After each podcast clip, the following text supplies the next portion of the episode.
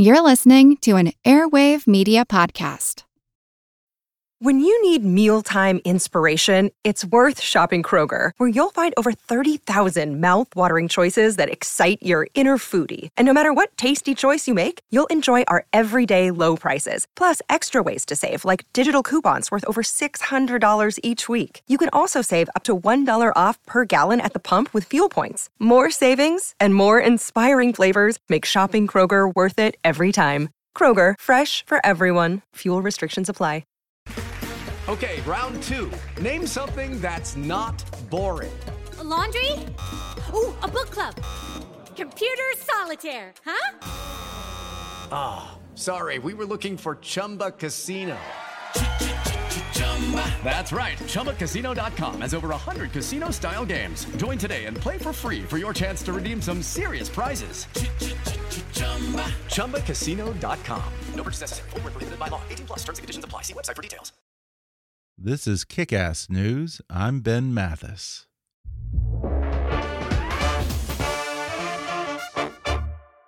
Hi, I'm Ben Mathis. Welcome to Kick Ass News. Astrophysicist Neil deGrasse Tyson has attracted one of the world's largest online followings with his fascinating, widely accessible insights into science and our universe.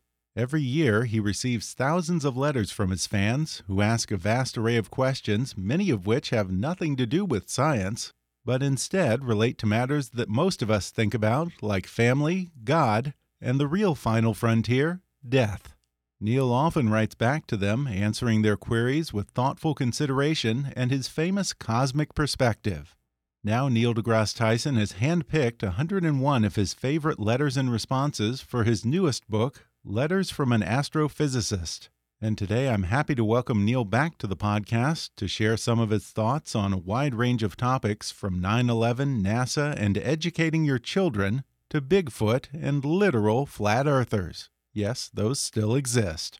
He says he doesn't think of himself as debunking conspiracy theories and junk science, but instead he tries to get people to take a scientific approach to their beliefs.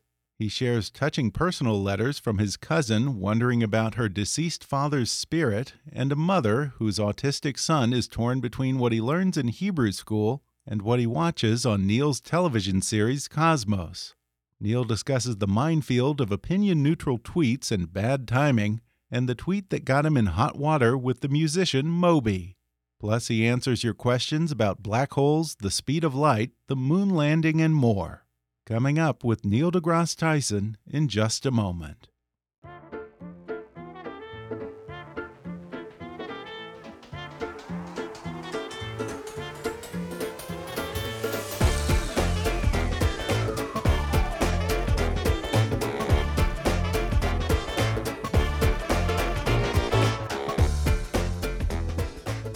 Neil deGrasse Tyson is an astrophysicist with the American Museum of Natural History, host of the hit radio and Emmy nominated TV show Star Talk, and the New York Times bestselling author of Astrophysics for People in a Hurry and Accessory to War The Unspoken Alliance Between Astrophysics and the Military.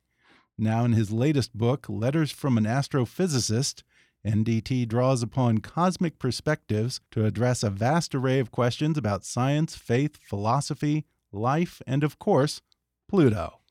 Neil deGrasse Tyson, welcome to the podcast. Yeah, thanks. Thanks for having me back. Yeah, uh, I'm here in person. It's good to. I know. To I know. We've done this now the third time, and I mm. finally get you in person. Mm -hmm, it's a real mm -hmm. treat. Now, are people? So that's what you look like. I know. I know. I know. It must be weird to talking no. to these disembodied voices, you know, remotely like that. Um, are people really still giving you trouble about demoting Pluto? Occasionally, I look on my Twitter on my Twitter stream. In the middle of nowhere, somebody says please bring back Pluto, or I've yeah. always loved Pluto, or it, it, it, rears its head uh, un, unannounced, yeah. and so there's still some some uh, un, unhealed wounds out yeah. there. I think the next generation of kids are growing up knowing the status of Pluto from scratch, right? And so therefore, they didn't have to unlearn anything; they got it right from the beginning.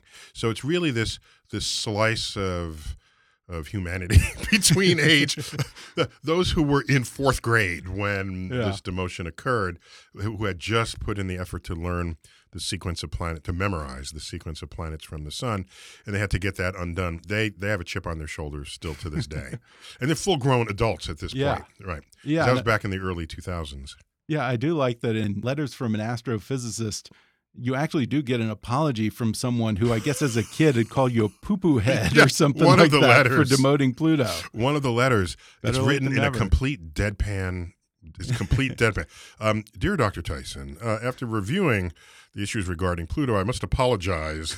I mean, I'm paraphrasing, but it's it's in there. I must apologize for when I was uh, 10 years old, I called you a poo poo head.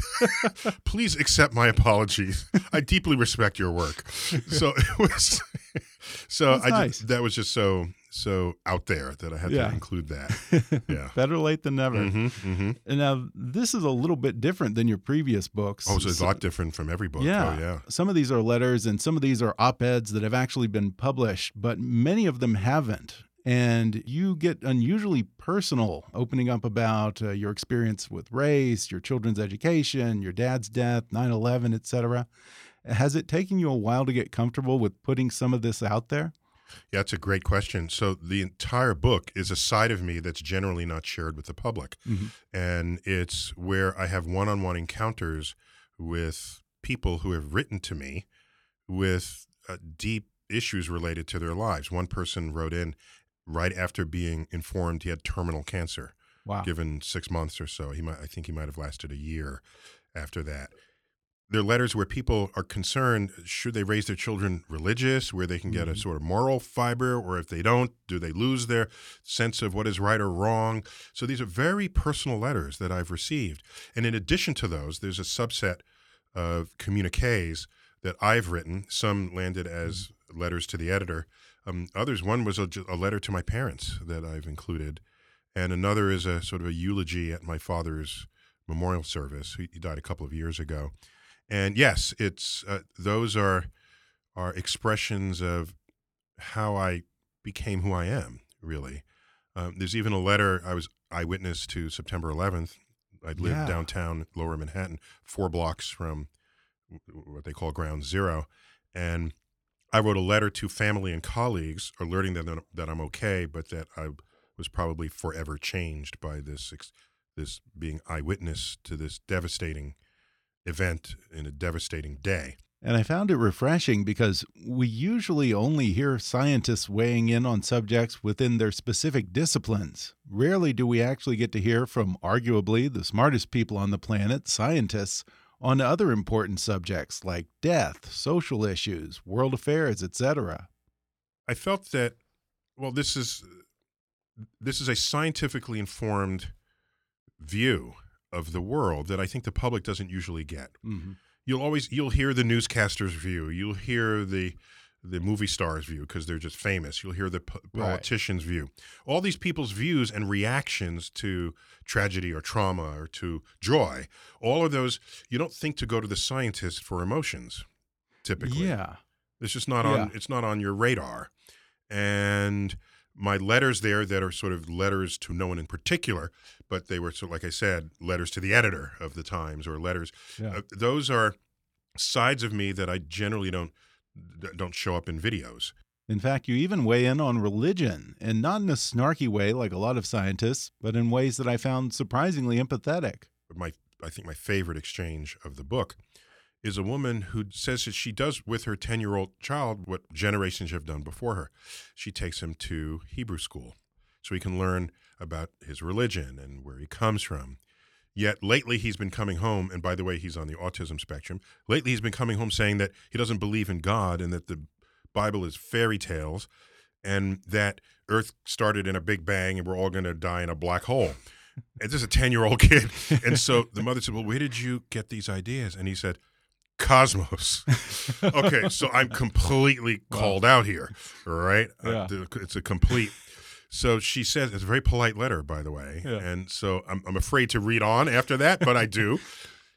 and she says, by the way, um, he respects you, and I respect him, and so I don't want to teach him things that might be proved wrong. Mm -hmm. So interesting. Yeah, it's a very Okay. she was a very open minded about this encounter with her son and with this letter that came back to me. So it took me it took me a year to get up enough sort Really? of guts and ideas and reflections to reply to her. And I do a fair amount of reading on religion. My shelves, I have multiple shelves Mm. of religions of throughout the world. So I have some some fluency. And in- you teach your own kids about religion. Yes, yes, they know all of it more in a sort of comparative religion way, Right. right? Which was, I think, what comparative religion should be. You know, it's there's this religion and in this time, and it had these leaders and these prophets and these holy books, and here's another religion that has these. And plus, if you were honest about it, you would say all of the Greek gods were was their religion. You wouldn't Mhm. call it mythology. Because that implies, well, those are myths, but these religions today are real Right, right. They're, they're all they're all religions. Yeah. They're all gods. Yeah. They're all belief systems. All of them. So, what I said was, after mustering enough um, energy and sensitivity to just do right by that letter, uh, what I said was, you know, he's not going to be under your roof for much more than eight years, and will spend most of his life under his own roof. So you don't really have you you can't control this. And we live in a free country where you have free expression of ideas. You can believe in one god multiple gods or no gods all right the fact that there's no mention of god in the constitution or any religion at all is a powerful fact. What that means is the government can't tell you who to worship. There's nothing in the governing doctrines of the government that has that power. So that's a remarkable, controversial in its day, but a remarkable fact, a remarkable expression of freedom, of uh, freedom Yeah. to express uh, beliefs that you want, provided it doesn't subtract from the freedoms of others. right, Right, okay. right, right. So- it's not an endorsement. Right, right. It's not right. So what I told her was, you can still have him participate in the Jewish religion without requiring that he think of every story in the Bible as literally true. Mhm. In fact, there's a significant demographic among Jews who are Jewish atheists. And they say, well, what is that? Right? What is that? Well, Jewish atheists knew who I'm talking about. They're, Right, they're right. people who celebrate the high holidays with all the ritual that anyone else would have with Thanksgiving or Mm-hmm. with, um, you know, they're, the family comes together. There's a Seder for, for um, Passover, for example. And you do this because it's community. Right. It's family. It's It's tradition. it's tra- tradition. it's tradition. Tradition. Right, right. That's right. I don't where's Yeah. my fiddle? I don't have a fiddle. So Yeah, I mean, So- even so in what- Israel, thirty percent uh, of people that live in Israel are secular Jews. I think. exactly So- secular or, uh, yeah secular is probably the, the more accurate way to describe them Mm-hmm. rather than atheist the, the the point is i said rituals are some form some of the greatest binding forces that we have in our culture and they have been overwhelmingly positive to civilization except for when the practicing of your ritual you have judged it becomes a requirement of other people Mhm. and then that sows the seeds of Yeah. conflict and ultimately war, bloodshed, and in the history has shown Yeah. death. So your rituals might not be someone else's rituals, but they're nonetheless rituals, and they form the, like I said, the taproots of of human social interactions. So I said, raise him fully exposed to all these rituals, and that would be a valuable um, starter lessons to develop him socially Mhm. which anyone on the autism spectrum would need and benefit from. Yeah. And and don't lose sleep and trust that he will can still become a uh, a moral law-abiding citizen even if he doesn't believe that Moses literally turned a staff into a snake or that manna fell Yeah. from heaven. So that's Yeah. that was my reply and and she was very warm in that response and uh, in fact, I got an invitation to her son's bar mitzvah. No kidding. yeah. So, so I was pleased to have. So, oh, by the way, the end of her letter, she said, "I don't know what to believe here. Can science coexist with God? I just don't know. I just want to be a good parent." hmm Yeah. And it was that I want to be a good That's all. parent. That was the, that was the, call, that was the, the distress call. Yeah. because. I'm also a parent and my kids are older than that. So what did I do? What would I have done? Yeah. And so I'm answering as a scientist, as a parent, as a uh, uh, uh, as a um, partially religion literate but very scientifically literate shoulder for her mm. to lean on in these at this time of uh, I don't want to call it crisis, time of a dilemma. Are you surprised as a scientist that so many people want to ask you about God and whether you believe in God? I mean, God comes up a lot in this book. That God, really surprised exactly. me. Exactly. In fact, that's the edited down version of what could have been. There could have been an yeah. entire book of people asking God questions. So uh, most of the God letters are from Christians, but there's also some from Jews, such as mm -hmm. the woman I described. Uh, there's one from Buddhist. There's a Buddhist. Right, right. There's a, a Muslim who writes in talking about the science that he found in the Quran. So we have an exchange about that. And like I said, I couldn't I, I, would I would be irresponsible to engage such people who have strong sort of religious mm-hmm. foundations for their commentary unless I didn't also do some serious reading in those realms, which I've done over my life. The public doesn't know that because that's that's I, this is my private reading, and, and right. so I don't make a big deal of it that I can recite chapter and verse in the Bible with many people, not the preachers, but uh, many yeah. people who say they're religious. I'm I'm there. Okay? Yeah, you you know for you many people. Yeah, because I've read you it. Check them on. What stuff, I said was, if I'm getting yeah. asked about God this often, I better read up on God. Yeah. All right. And so I did some homework, and of course, there are people who spend their whole lives trying to understand the Bible and God and and or the Quran. So I'm not that person, mm. but I am someone who has familiarity with broad familiarity with their content, enabling me to engage people as a scientist, but with some sensitivity to where they're coming from. Yeah. And that constitutes the letters that are there. Yeah, and they're generally pretty civilized exchanges. Not all of them, but most. And one person got frustrated because he wasn't winning me over to his side because he wants the earth to be 6,000 years old, as prescribed in biblical right. Genesis. He wasn't winning me over. And then he accused me of being sort of uh, um, short-sighted or or or uh, and, and said that I just don't like religion and that's just me being biased. I said, "Do you realize how much time I've spent in conversation with you, exchanging letters? if if I really felt the way you think I felt, mm -hmm. this this conversation would have never unfolded at yeah. all." Right? It would have been in the circular file. Yeah. Yeah yeah, I would think that the the six thousand year theory would be more short sighted. Actually, well, yeah, but I so rather than say it's short sighted, all right. I say I mean it's literally short sighted. okay, short timed. Yeah. We so what I do is I carefully present why we think mm -hmm. the Earth is much older than six thousand years and what uh, and and why that matters. And so yeah. you'll see that conversation. So the conversations I have with religious people, which you don't otherwise see me having on YouTube or in public. Mm -hmm. uh, Bill Nye, a good friend, debated the head of the Creation Science Museum, right. Ken Ham, in Kentucky, I think it was. Debated him. Okay, I I don't do that. I don't I don't take on uh, people. Uh, uh, Why is that? Just a, a, lack of interest, or does is it a distraction from what your interest is and dealing if people with are questions of the cosmos and, and they strongly reject the objective truths of science, -huh. I I just chalk it up to you're a free country. You yeah. can think what you want. Yeah. If people are genuinely curious, so one of the letters is someone says, "Why can't the Earth be six thousand years old?" Is there some? Is it absolutely impossible for them to? You know, I, I I don't have a horse in the race, but I'm just I'm just curious, right? So to have it. I mean, that's that's reasonable to ask you to honest, explain why it's not possible. Exactly, and I'm a scientist okay. in arm's reach because at the time my email was uh, publicly accessible. So yeah. if you saw me on TV and have a question for him, you you sift through uh -huh. the on the internet, and there is my email, and so so there were thousands of emails, and in this book, there's 101 uh, culled from that list of the most. Uh, I think they're the most illuminating for a reader. Right there, there's a lot of mail that was oh, how hot is it's the sun? A little bit of everything.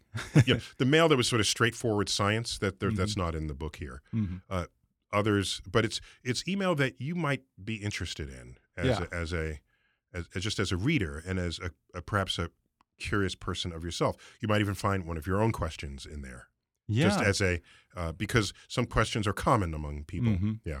Yeah, and it's interesting the diversity of, of questions that you get, and actually, there's a surprising it's, number of kind of conspiracy stuff in there. Well, I think there's a whole section dedicated to conspiracy theories, right? Well, so I try to be honest about yeah.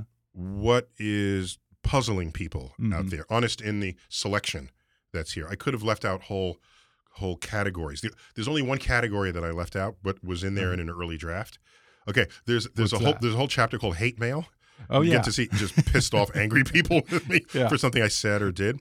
That was juxtaposed with another chapter called fan mail. okay. And I said I don't need to put fan mail in here. I just so I just took it out. So I hope you don't think all letters are just angry, pissed off people. I have a lot of letters that people very happy and nice for what I've done for them. But I, I took Is that it out. fun for you though to address those? You know, like you you cover aliens and Bigfoot. Alien. and Yeah, someone said, can, "Can there really be a hairy ape in the Pacific Yeah. Northwest?" And I thought that was an honest question when it was Uh-huh. asked. So I said, "Here's the reasons why that is unlikely." Okay, and I gave a list of reasons. Then the person said, "I've never met a scientist so close-minded as you. How could you? We used to think the world was, you know, whatever, and we used to think that." So. th- I didn't know he would jump back at me, so he just like attacked, on full full frontal attack, and uh, I I just what I said was, if you have large hairy apes wandering the Pacific Northwest, um, you'd see their poop. Yeah, Right, You don't right. have to Where's see the the, ape. scat? You- Where's you- the you- Bigfoot scat? You would see the poop. You Yeah. might have bones. You would find a cave. There's uh, there's there's the signature that's left over from the existence of large mammals is Yeah. huge. It's huge. There would be if it's a mammal, it would reproduce sexually, and you'd have a male and a female. Mhm. So it wouldn't just be one; there would be two, Right. at least two. Right. Then you'd have babies somewhere, and you'd so now while there's a lot of forest up there in the Pacific Northwest, um, all I said was rather than spend your energy trying to convince me that I am wrong, why don't you use that same energy finding Bigfoot, and that way you don't have to convince anybody of anything because you would produce the thing you're looking Right. for. Okay, so. I I think you had a similar answer to someone who said that he he had a, a design for a perpetual motion machine. Was asking for your help. Right, and and I just need help to to to Yeah. let people know about the machine. Right, I said right. just build it. That's all you have to do, and Yeah. people will be the path to your door. So those are all from one chapter of people just who are coming from places that Yeah. are not scientifically anchored, but they don't know why. hmm We're going to take a quick break, and then I'll be back with more with Neil deGrasse Tyson when we come back in just a moment.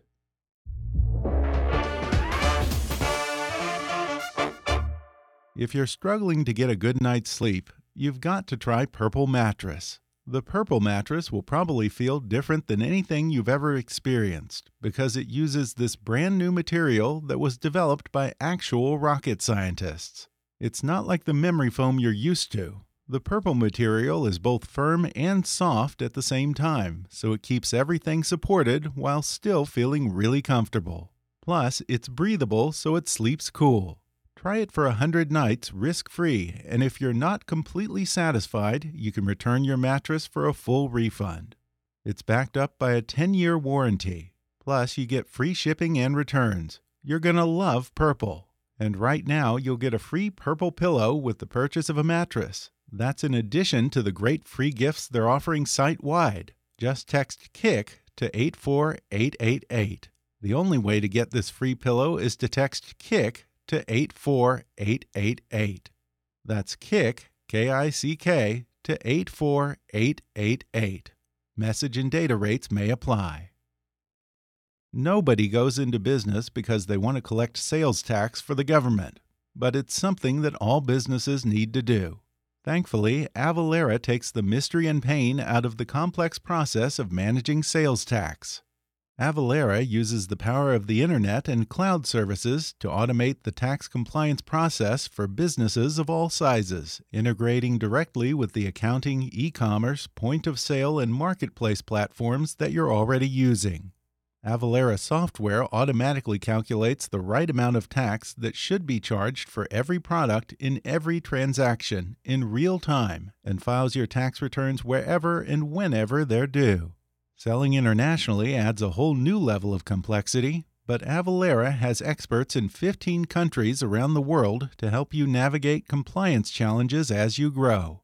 I run a small business, and I know it's a lot to keep up with. One of the most frustrating and perilous aspects of running a business is taxes. Sales tax compliance is particularly confusing, especially when you're doing business all over the world and dealing with sales tax rules in all kinds of different states and even different countries. And if you don't get it right, it can be extremely costly. Avalara can save business owners valuable time and energy, and most importantly, give them the peace of mind that everything gets done right the first time. Stop spending valuable time worrying about your sales tax returns and focus on the things you actually love about running your business. Go to avalara.com/kick to learn more about how Avalara can help you. That's Avalara, A V A L A R A dot com slash kick. Avalara, tax compliance done right. do you almost place a greater priority on debunking conspiracy theories and things like creationism and junk science and that kind of thing than just think, responding to fan letters? No, no, no. Do you feel that's more important? I don't think of it that way. Oh, okay. If you say debunking, these are or honest refuting. people. no, no, it's they're honest people with the fact that they took the energy to write to me mm -hmm. meant that there's act, they're actually curious. They want to know. There are some letters of a kind where they're just just on a on a soapbox, and they're not really interested in a conversation. Mm. They're just want to scream at me, and the fact that I don't agree with them, it's my problem, not theirs. Those are not productive exchanges. Mm. These are productive exchanges that we've selected for this book because they're actually asking questions. So it gives me a okay. place to come into their thinking as an educator mm -hmm. and explore how are they thinking what might they be missing? Is there something I'm missing in what my understanding of the natural world in my exchanges with them? There's a letter from someone I know. Okay, this is a second cousin of mine who wrote to me after her father died, which was be my first cousin. No, she's a third cousin. I have to. There's a. It's I in. Can't figure. Yeah, the exact lineage is in there. But anyhow, I know her. Yeah. Right. She is an intelligent Yeah. person. Okay. There's and not she. There's no. She's not crazy or anything like that. Mhm. She said when her father died, she had to identify the body in the funeral home. And there he was up on the slab, not in a casket or anything. And she had a conversation with him and recounts that conversation in her letter to me. Okay, a two-sided conversation. Two sided conversation. Mhm. That's good. Thanks for clarifying.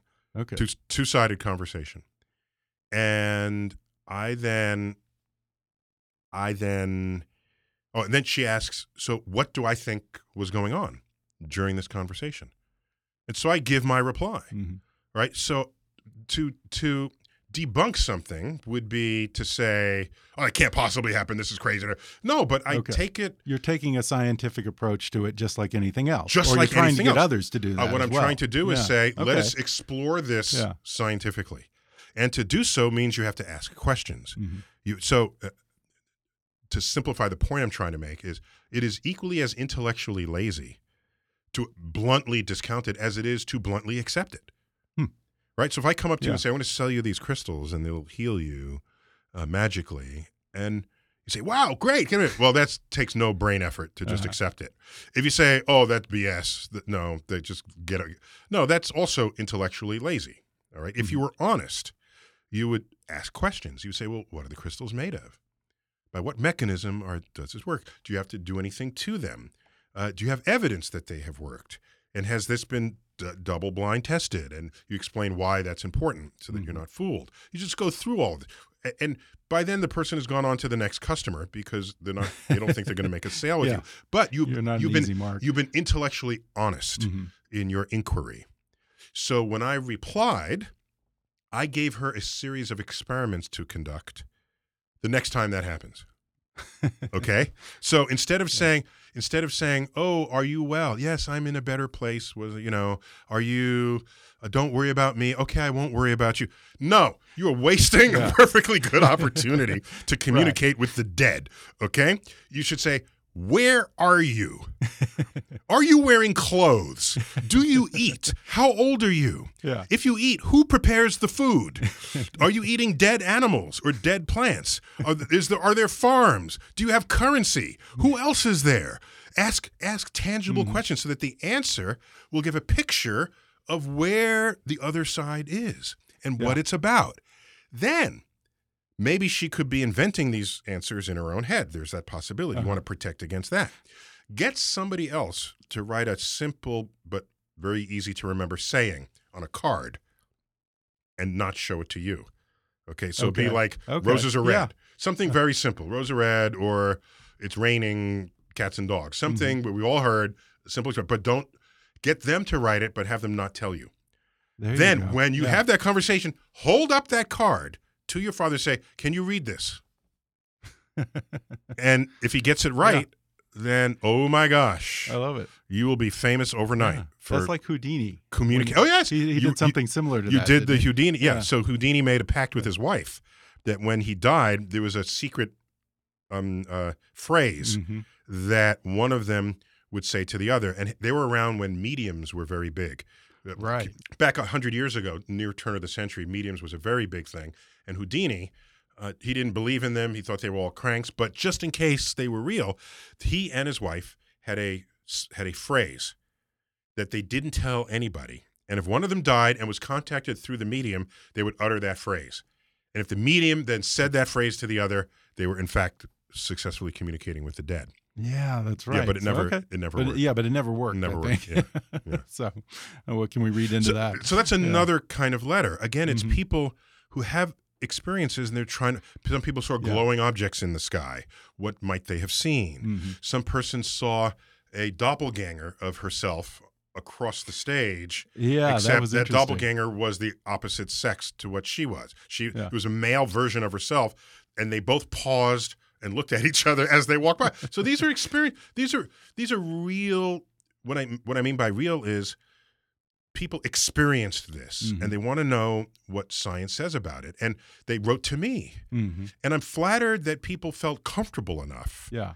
to bring these very personal uh, moments of their life. Let me ask you neil why do you think that is? Why do you think they chose you? I wondered is it something i said or did? I don't, I don't know. Is it um, maybe because i want people to call me neil like carl sagan wanted to be called carl uh-huh. dr sagan you know when you have titles it puts some a little bit of distance between you right. and the other person as right. though listen to me because i have a doctorate that's why what i'm saying is true well that's not being an educator an educator is yeah. you prevent you present information that the person can use and arrive at that conclusion on their own yeah so that in the end it requires no reference back to you at all yeah we're not going to use the word debunking but in terms of addressing i don't know junk science and that kind of thing what bothers you more, creationism or the people who come to you as climate deniers? So, so what's frustrating is when people don't really want to understand mm -hmm. uh, where their thinking is flawed or that where the, something is broken or was never there to begin with in their capacity for full up rational thinking. And they will hide behind statements like, well, you just don't have an open mind. But do they have an open mind? Is that why they think right. 9 11 was a conspiracy? There's a conspiracy letter in the book from a 9 11 person. Is there a, um, are they the ones with the open mind and I have a closed mind? Well, it's possible for your mind to be so open that your brains spill out and no longer function. all right. And that fact thwarts many people's ability to reconcile their lives mm. with what is objectively true. Yeah, but there is one point in here you address uh, the hip hop artist B.O.B. Oh, who so is a flat earther. He's a flat I mean, earther. Come on, he's a flat. Like, so, so, now it's I, funny that like flat earthers. That's just kind of become this catch-all for science deniers. But so, now there yeah, are actually I uh, generally don't real engage, flat earthers still. I generally don't engage the creationists or flat earthers or yeah. any of this publicly. I just, right. like I said earlier, I just don't. In this particular case, the reason why I agreed to engage him, and I did it in a sort of video letter that was done right. live on Comedy Central's um, the Larry Wilmore show. Um, the reason why I did it is he was tweeting that Earth was flat. Okay. But then he start then I started seeing people in my Twitter stream saying, Neil, BOB is going off on you got to stop him. And then I asked myself, that means in the Venn diagram of the followers of BOB and the followers of me, there's a little sliver of overlap where people are saying, please help him not make a fool of himself because I like his rap music, yeah. right? So I, it, was like a it was like a bat signal to, say, yeah. to cross over to help. But that wasn't the that wasn't the tipping point. The yeah. tipping point for me was he started saying, "I'm using actual physics equations to prove this." oh no, you're not. Okay, oh, let's. Boy. So that's what really called me out. Yeah, and so my I, my letter to Bob yeah. is in this book as well. yeah, some of the mm -hmm. hate mail is actually some of the most entertaining stuff in here. the hate mail, yeah, because uh, at one point I think it was another musician, Moby, takes issue with one of your tweets where you say a cow is a biological machine invented by humans to turn grass into steak. yeah, that was that was a tweet, a, very blunt tweet, but yeah. but factual, right? Right. As and you say, it was opinion neutral. Yes, opinion neutral. It was, but that gets you in trouble sometimes. Opinion. Well, yeah, neutral. yeah, it can. So, yeah, but yeah, if neutral statements get you in trouble, yeah. is there any hope for civilization? it used to be you'd argue over opinions, right? Yeah. so, of course, my choice of words, right. uh, or biological, the, or the timing of some opinion possibly, neutral tweets, for sure. yeah. So, and for many things, timing is everything, yeah. whether or not it's you know right. neutral. So, a machine is something that does work for you, all right, and you can say an ox is a machine because it pulls the, mm-hmm. the plow, whatever. You but it's a it's a it's an animal machine in, in that sense. You're not using it as a pet. It's a tool that you've invoked. So a biological machine for me was sort of metaphor for we breed these things for this one purpose. Obviously, also to produce milk. Plus, some cows eat corn or I mean whatever. I don't know. It's corn or some other uh, some other grasses, right. Mm-hmm. whatever yeah. cows eat in a cow diet. I chose grass and I chose steak as the two things. Yeah. And Moby, who's a very well known vegetarian, in fact, he's vegan, an activist about it, Moby the musician, wrote. Is there another Moby? No, I don't think that. Moby Dick? Moby Dick. Yeah. The, he wrote back a scathing, scathing critique of my tweet. And it's in there. I got his permission to oh, really? put his scathing tweet. Yeah, you, you need permission to use people's words. It was an angry and scathing. He says, when your hero disappoints you or something like that. and Neil deGrasse, I thought you were smart. Uh, for, yeah, how could you possibly? And he went on to say that that cows are not a machine; they're an animal, and they're and it just goes on and on and on and on and on. And at the end, he says, "For someone who's supposed to be smart, you're behaving like a psychopath." Wow. So it's like, whoa, this is pretty serious. So if it was just a random troll, I would yeah. just ignore it. But it's Moby, so I gotta I gotta reply to Moby. So I, I replied, and so my reply is in is in the book. and by the way, I, I would say about a third of his comment thread uh -huh. after he laid into me said, Moby, chill out. Oh, really? oh, yeah. Yeah. His own fan base was not entirely behind his tirade. so I think that he he might have taken some pause at that. I, I don't know. Uh, it's hard to always keep up with yeah. what everybody says and every thread that ever existed. so anyway, so that's in there too, and I think that's in the hate mail part yeah, of the part yeah. of the book. yeah, yeah, yeah. It's interesting that you actually engage with your haters. A lot of people would say don't do that. Well, if it comes from a place that's sincere within them, mm -hmm. then I don't have a problem with okay. that. Yeah, if if there's something I did that that rubs you the wrong way, I want to know how and why that's the case. Because mm-hmm. it's not my intent to rub you the wrong way. I thought the general reaction to that tweet would be, "Well, I never thought about it that way." Oh my gosh, because cows were invented. Cow, there are no herds of wild milk cows stalking right. the countrysides, right? we invented the cow. Yeah. The cow does not exist in nature. It never existed in nature. We created it from the aurochs, now extinct aurochs, which was a sort of prehistoric predecessor to a modern mm. cow. So yeah, we so we can make better tasting steak and higher yields of milk. Let us breed them and create a new kind of thing. You know, the Jersey cow or yeah. whatever whatever they're called, or the Holsteins. Right, right, right, right. My favorite Gary Larson comic. Oh, aren't those great? Oh yeah, it was cows feature a lot in his or, or farm animals in general. Yeah, yeah.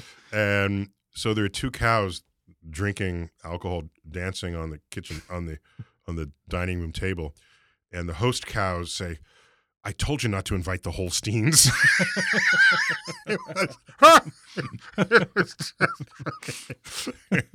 that's like, that's not my favorite farm animal, Gary Larson. I know oh, yeah. we're supposed to talk about the book, but um, so there's a cow, a horse, a chicken, and some other farm animal in a barn. All right, and yeah. the barn door is open so you can see a little in the distance, and it's a three panel thing.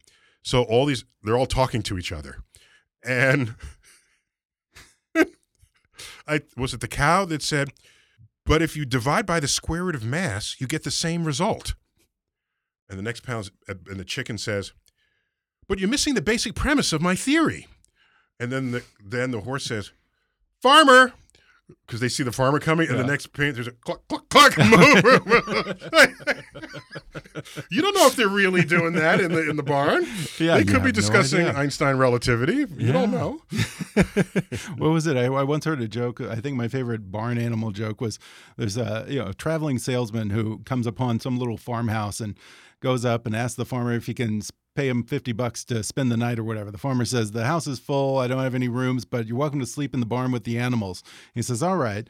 So he sleeps in the barn with the animals. The next morning, farmer walks in and he says, How'd you sleep? He said, Oh, I slept like a baby and I had a great time. I talked to the animals for hours. And he's like, You talked to them? You mean you like you talked at them? No, no, we had a whole conversation. He says, I talked to the chickens and they said that you come out and you feed them, you know, at five in the morning every morning. And he said, I talked to the cow and the cow says, Every every morning at 6 a.m. You come in and milk me. Then he said, I, I talked to the sheep. And the farmer says, No, no, no, don't listen to the sheep. Sheep are liars. That's funny. I think that was a Gilbert Gottfried joke. But, That's funny. Yeah. Well, in the book, someone asks you which film was the worst cinematic offender to science, and you answer Armageddon.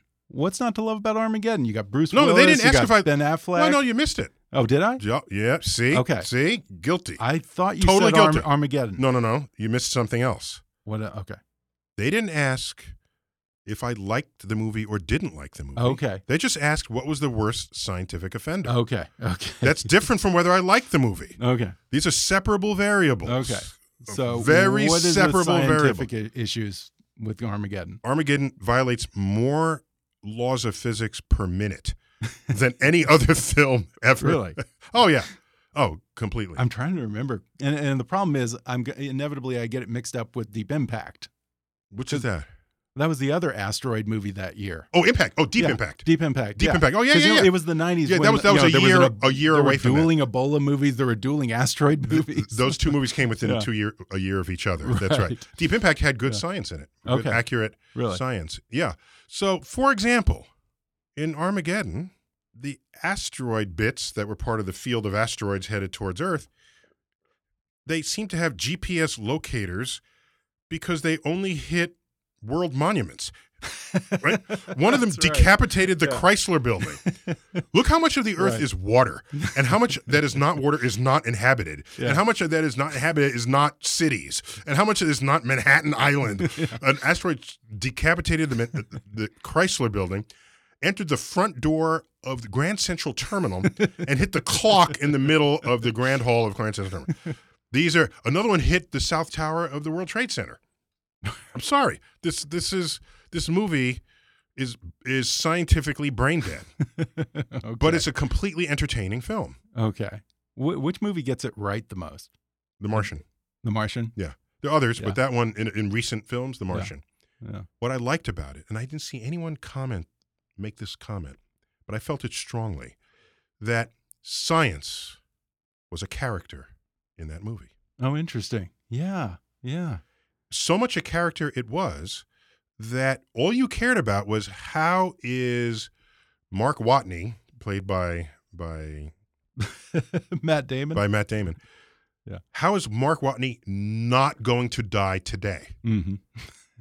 and he has to invoke creative, yeah. ingenious, math, uh, right. scientific, and engineering solutions to not dying. Mm-hmm.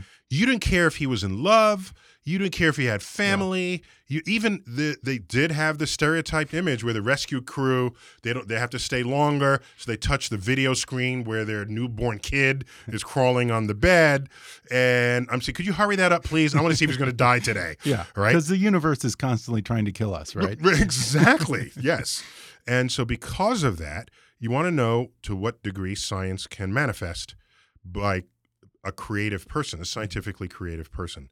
So the drama was not interpersonal, it was science and survival. Huh. And so from and it had a marquee budget with a marquee director, Ridley mm-hmm. Scott, marquee actors. So I think we're we're good there. Yeah. now now one of the highest three highest compliments I ever got. Yeah. Okay. Was Andy Weir, the author of The Martian. The Martian. He, I met him. We had him on my on my talk show, Star Talk, as a guest, and he said, you know, when he was writing the novel, he because there's a lot of science in it. How what he has to do. He did. Uh, by the way, he's he's a trained engineer turned novelist. So he said he imagined I was looking over his shoulder while he was writing. and if there's anything that he thought I'd come later and tweet about mm-hmm. it, he'd have to fix it on the spot. so, so that's pretty I, good praise. I was delighted yeah. to be thought of as this yeah. evil force on his shoulder, forcing him to get his calculations right. Well, before we wrap up here, I always have to throw it out to the audience to ask if they have any questions because inevitably, after I have you on, they always give me all kinds of crap for not asking you this or that. Oh, okay, okay. so, uh, first off, so you solic- so you did solicit I questions. solicited them. Okay. Because well, a lot of times I always get the questions after the interview. No, too late. So, too late. Yeah. So this mm -hmm. time I actually solicited them. Uh -huh. um, Claire asks, why did some NASA scientists say a few years ago that they are still working on getting mankind across the Van Allen radiation belt? Surely that does no good for the moon landing conspiracy arguments yeah, I don't know who said that. The Van Allen okay. radiation belts. Earth has a magnetic field. For those mm-hmm. who are not sort of radiation belt fluent, uh, uh, Earth has a magnetic field, mm-hmm. and particles from the sun, some of which uh, the sun is losing mass all the time at a slow rate, but it's real. It's called the solar wind, and it has a pressure like wind would have pressure. So many of those particles are charged particles. They have a net positive charge, or they're electrons that have a negative charge. When moving charges see a magnetic field, they're attracted to it. And they and depending on the geometry of that magnetic field, they can be trapped within it. So it's a higher concentration of, of particles, damaging mm-hmm. particles, mm-hmm. than other places in Earth's orbit. Okay. Uh, in, in, in, that surround Earth. So it turns out it's not okay. really a thing. I mean, okay. it's, it's not okay. a it's it's not a problem. Okay. Yeah, I'm and trying to figure out how that relates to the moon landing conspiracy. I guess. Oh no, they're sure. they're thinking that if we haven't actually gone through it, oh. then we didn't actually go oh, to the moon. Okay, yeah, okay, that, I got it. Yeah, I, I, okay. I assume. Yeah. well, Trevor asks, is it true that all or most stars we see in the sky are dead by the time that we can view them with the naked eye? No, that is that's not true. That is, is false, and yeah. here's why it's false. Why do people? So many people believe that. I think they want to believe it mm -hmm. because it's it's it's romantic. It's you see things that are alive that are mm-hmm. actually already dead. But we are seeing it, what, 10,000 years I'm getting later, there. right? I'm getting there. okay, I'm getting okay. there. So let's use the example. But not of, necessarily dead. Let's yeah. use the example of the two of us sitting across from each other at a three foot table. Okay? Light travels one foot per nanosecond. That's how fast it goes. Hmm. So I see you not as you are now, but as you once were three billionths of a second ago. I'm not worried that in those three billionths of a second that you've changed in any significant way. I'm not worried that you died and now I have to wait the three billionths of a second to learn of this fact. The time it takes the light to get from you to me and from me to you is small compared with your life expectancy. so I don't need to lose sleep over how much you have changed. Yeah. So the distance to stars in our galaxy, at most, are 100,000 light years. Okay. Okay. So it takes light 100,000 years instead of three nanoseconds. Well, how long do most stars live? Billions of years. So 100,000 years in the life of a star, most stars, is short. It is ignorably short. Hmm. So you don't have to worry that the whole sky has become dark and you'll one yeah. day figure that out. there are stars okay. that do die and right. we, we can see By them every numbers, night. There must be some. There are some, and we have special programs that search for those stars because okay. they, are very useful astrophysically okay. in scaling the universe because they die very brightly, which means you can okay. see them at great distance, great distances. So these are called supernova, and when you see a supernova, the star died a million years ago, millions of years ago. So those are stars that have died, but that is the rarest of all stars mm-hmm. are the kinds that explode. Let me ask you this: Does it make it hard when you're looking around the galaxy for solar systems? Wait, is this your could, question or this someone is me? Question? This is me actually. Uh, is that allowed? I'm following up on her on her behalf. Fan base is that allowed? okay, we'll he's sneaking in one of his questions. Yeah. Okay. I mean, does it make it hard when you're looking around for a solar system somewhere out there in the galaxy that you could explore or maybe inhabit one day? But we're going on information that's ten thousand years old. What if uh, you know a planet looks really great right now, but when you eventually get there, it's some uninhabitable hellscape. Yeah. So what would happen is, as you got closer and closer, this fact would be revealed to you. Okay. Because when you're right upon it, you're seeing yeah. it in that moment. Right. When you're halfway there, you're seeing it sort of halfway ago. Okay. Right. So okay. you would learn of this en route. Okay. So that's why we need to send yes, probes. It is possible. So Earth was very different 100,000 years ago mm -hmm. than today. Climatically, it was different.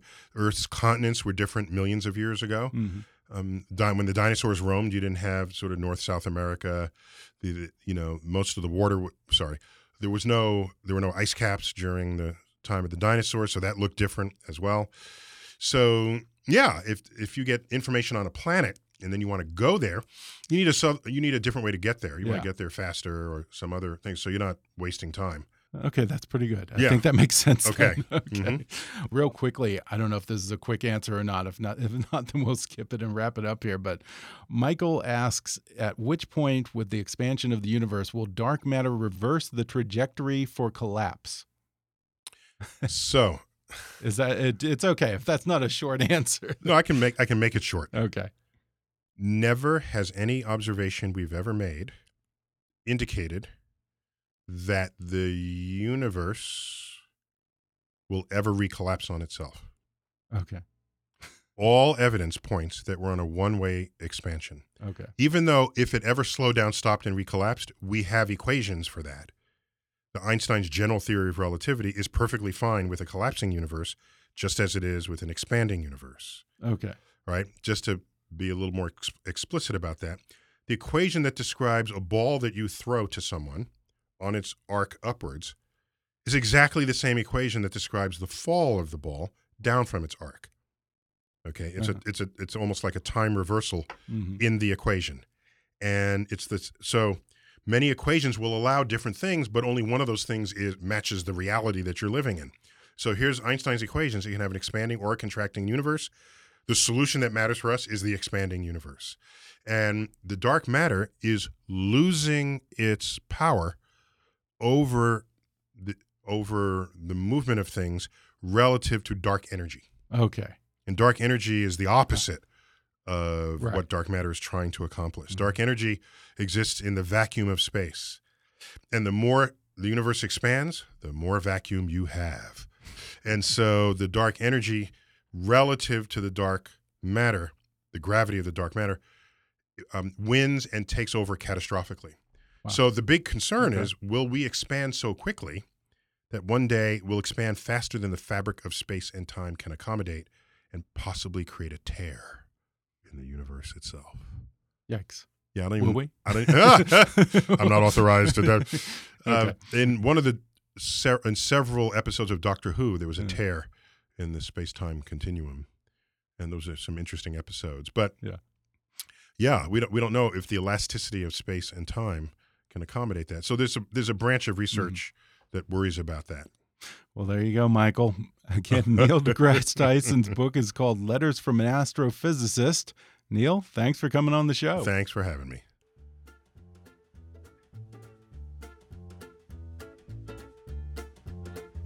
Thanks again to Neil deGrasse Tyson for coming on the podcast.